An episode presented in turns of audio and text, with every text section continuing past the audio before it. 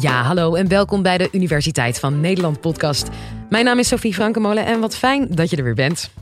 Depressief, borderline of het hebben van een angststoornis. Het zijn allemaal diagnoses die je kunt krijgen in de geestelijke gezondheidszorg. Maar volgens psychiater Jim van Os van het UMC Utrecht moeten we van dit soort hokjes af. Alleen, ja, wat moeten we dan wel doen? Nou, dat legt hij je in dit college uit. Dit is de Universiteit van Nederland. Jullie kennen de begrippen misschien wel. ADHD, autisme, schizofrenie, borderline, aanpassingsstoornis, manisch-depressief. En zo kan ik nog wel even doorgaan. Het zijn allemaal diagnoses uit het grote diagnoseboek van de psychiatrie, de DSM.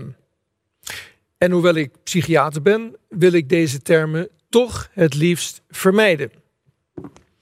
We zijn een beetje doorgeslagen in ons enthousiasme om iemand een label te geven zodra die zich anders gedraagt. Dit heeft een keerzijde. Door die sticker op iemand te plakken, duw je iemand in een hokje dat een heel eigen leven gaat leiden. Het bepaalt hoe de samenleving tegen je aankijkt en je wordt opeens in de richting van een specifieke behandeling geduwd, omdat die in de behandelrichtlijn van dat specifieke hokje staat. Maar in werkelijkheid sluit dat label vaak totaal niet aan bij wat de ontvanger van het label, de patiënt, nodig heeft. En dat lijkt mij toch het allerbelangrijkste. In dit college wil ik jullie vertellen hoe het anders en beter kan. We gaan kijken naar een concreet alternatief. Oké, dat diagnoseboek, die DSM, is dus op dit moment heel belangrijk in de geestelijke gezondheidszorg. Maar er zijn een aantal redenen waarom ik dat graag anders zou zien. Ten eerste werkt de DSM niet goed. Zo hebben drie patiënten met de diagnose depressie meestal zeer verschillende symptomen. In de DSM staat een hele lijst met eigenschappen die bij depressie horen.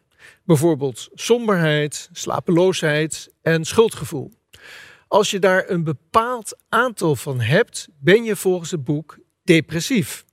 Maar dat betekent dus dat iedereen zijn eigen mix van symptomen heeft. Ten tweede krijgt dezelfde patiënt bij drie verschillende psychiaters niet zelden drie verschillende diagnoses. Die hokjes van de DSM passen dus niet goed bij de mensen.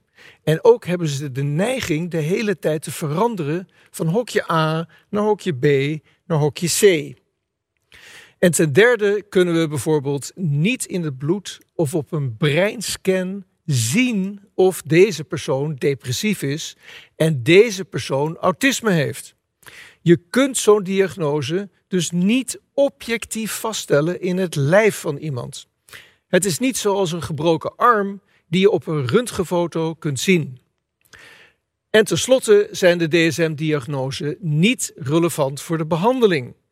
De therapieën en de medicaties die worden gebruikt in de GGZ zijn grotendeels uitwisselbaar tussen diagnoses. Iemand met angst krijgt dezelfde medicatie of type psychotherapie als iemand met depressie of psychose. Eigenlijk werkt alles wel een beetje voor alles. Kortom, die DSM werkt dus niet. We hebben een nieuwe manier van kijken nodig. En om dat te doen wil ik graag met jullie stilstaan bij iets heel moois. Maar ook iets waar we het eigenlijk nooit over hebben. Ons mentale leven. Of beter, ons bewustzijn. Bewustzijn is letterlijk ons vermogen om de wereld om ons heen te voelen.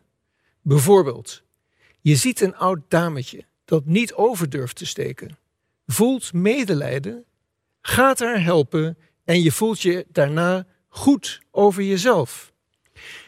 Die wereld om ons heen noemen we ook wel de omgeving of de context.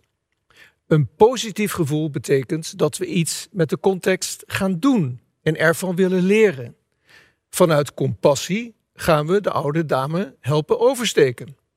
Of de zon schijnt heerlijk en we gaan naar buiten om ervan te genieten.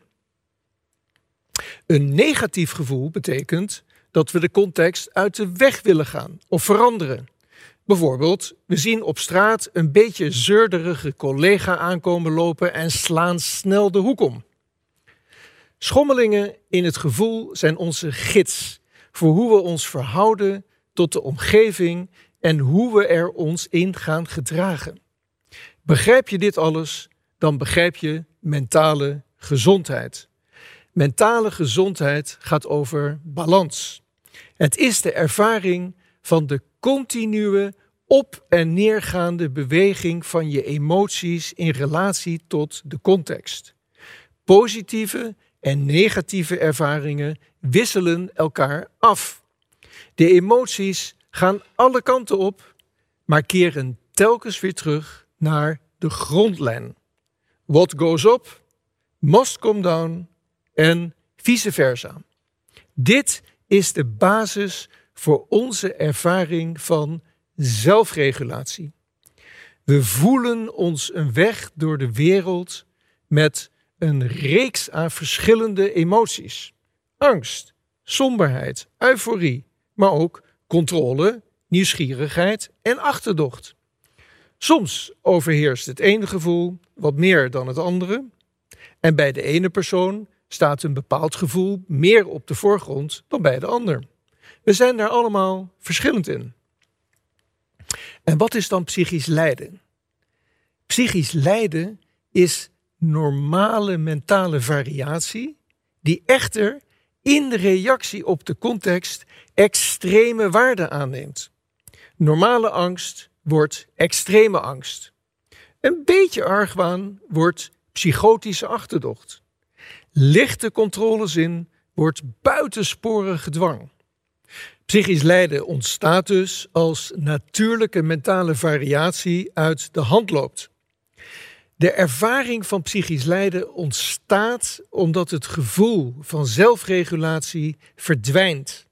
In plaats van what goes up must come down, ontstaat een situatie van what goes up stays up and never comes down. Onze manier van de wereld voelen blijft hangen in een heftige negatieve staat, zonder dat het terugkeert naar de grondlijn. Dit is een buitengewoon vervelende ervaring, een soort niemandsland. Je voelt je opgesloten en het veilige gevoel van zelfregulatie is weg. Het lijkt alsof er geen toekomst meer is. We noemen dit een mentale grenservaring. Het gevoel heeft jou als het ware in zijn greep. De negatieve emotie is de baas. Het wordt daarmee steeds meer ervaren als iets externs, iets van buiten. Het raakt los van de context en gaat zijn eigen leven leiden. Herstellen van psychisch lijden gaat dus over mensen helpen de grenservaring terug te brengen tot de juiste verhouding, zodat het weer aan kan sluiten bij de context. Dit noemen we het recontextualiseren van het gevoel. Hulp begint bij een goede diagnose. En ik zei het al, psychisch lijden ontstaat in een context, in een bepaalde omgeving. De eerste vraag moet dus altijd zijn: wat is er gebeurd? Grofweg kan ik de mogelijke gebeurtenissen of verstoringen die kunnen optreden in de context indelen in zes categorieën. De eerste is existentieel. De existentiële dimensie gaat over dat je leven ergens naartoe gaat, dat je bestaan zin heeft. Als het mis zit in de existentie, klagen mensen over dingen als: ik zit in de verkeerde relatie, ik heb de verkeerde baan, voel me niet op mijn plek in deze maatschappij. Mijn leven is zinloos. De tweede is sociaal. Denk aan conflicten met anderen, acceptatie, verlies, vernedering, jaloezie, liefde. Maar ook zit ik in de WhatsApp-groep.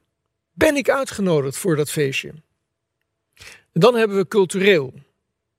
Deze context heeft te maken met een samenleving van toenemende maakbaarheid, meetbaarheid, perfectiedrang en alles steeds meer, steeds sneller en steeds competitiever op de vierkante millimeter.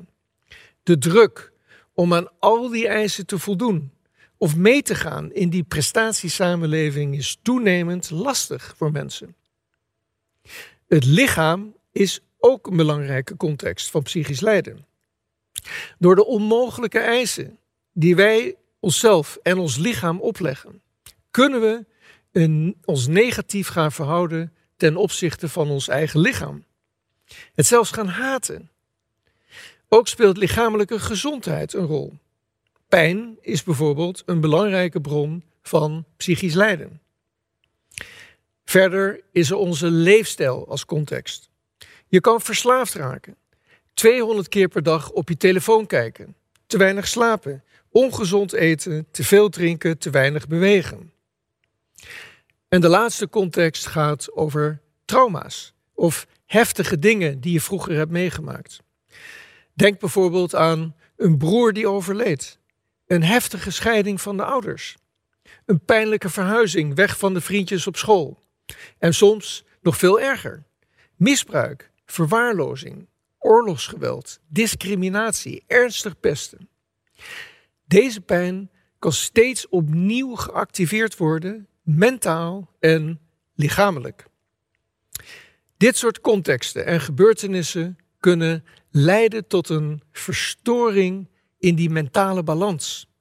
Dit kan zich uiten in verschillende vormen, zoals somberheid, waanbeelden, paniek, je belachelijk voelen, paranoia, stemmen horen of juist extreme euforie. Maar belangrijk is dit. Welke vorm het psychisch lijden ook aanneemt, de onderliggende dynamiek ervan is ongeveer hetzelfde. Namelijk, het is dominant, dwingend en toenemend beleefd als extern. Het wil iets van jou. We moeten daarom ook kijken naar hoe de persoon zich ertoe verhoudt. Hoe machtig is het gevoel? Hoe dwingend is het? Om welke betekenis vraagt het? Bijvoorbeeld, als je verslaafd bent, dan wil de verslaving dat jij de koelkast openmaakt om nog een biertje te pakken. Of de angst wil dat jij de omgeving voortdurend scant op gevaar en niet meer de straat op gaat. Als je iets weet over de context en de vorm van het psychisch lijden en hoe de persoon zich ertoe verhoudt, kun je iemand een echte diagnose geven. Je kunt zeggen: luister, je bent in een mentale grenservaring terechtgekomen. Je worstelt met zinloosheid. Het gevoel dat je er niet bij hoort. Dat je niet voldoet aan de normen van maakbaarheid en meetbaarheid. Vroeger al kreeg je mee dat je niet goed genoeg was en dat je lichaam niet voldeed. Je bent terechtgekomen in een niemandsland van angst en somberheid. Je ervaart deze gevoelens als dermate machtig en dwingend dat je geen toekomst meer ziet. De angst is de baas. Let op dat ik hierbij verder geen label op de persoon heb geplakt van een ziekte in het hoofd. Ik heb alleen heel sec beschreven wat er met deze persoon aan de hand is in de context van zijn bestaan. Daarmee ontstaat automatisch een weg naar een manier om de mentale grenservaring weer in de juiste verhouding te brengen en het weer aan te laten sluiten bij de context. Het is dan weer gerecontextualiseerd. We begonnen dit college met de vraag of er een alternatief bestaat voor het labelen in de psychiatrie. En dat blijkt er te zijn. We zijn gaan beseffen dat mentale gezondheid en psychisch lijden ontstaan als reactie op wat er in jouw omgeving gebeurt. Daar moet de focus op liggen en niet op die hokjes. Als duidelijk wordt wat de context van het probleem is, kunnen we gaan werken aan herstel en proberen mentale grenservaringen weer terug in verhouding te krijgen. Dank je wel voor je aandacht. Dat was Jim van Os. Hey, en heb jij nou ook een vraag die je graag beantwoord wil hebben in deze podcast? Laat dan een voiceberichtje achter op onze Vriend van de Show pagina.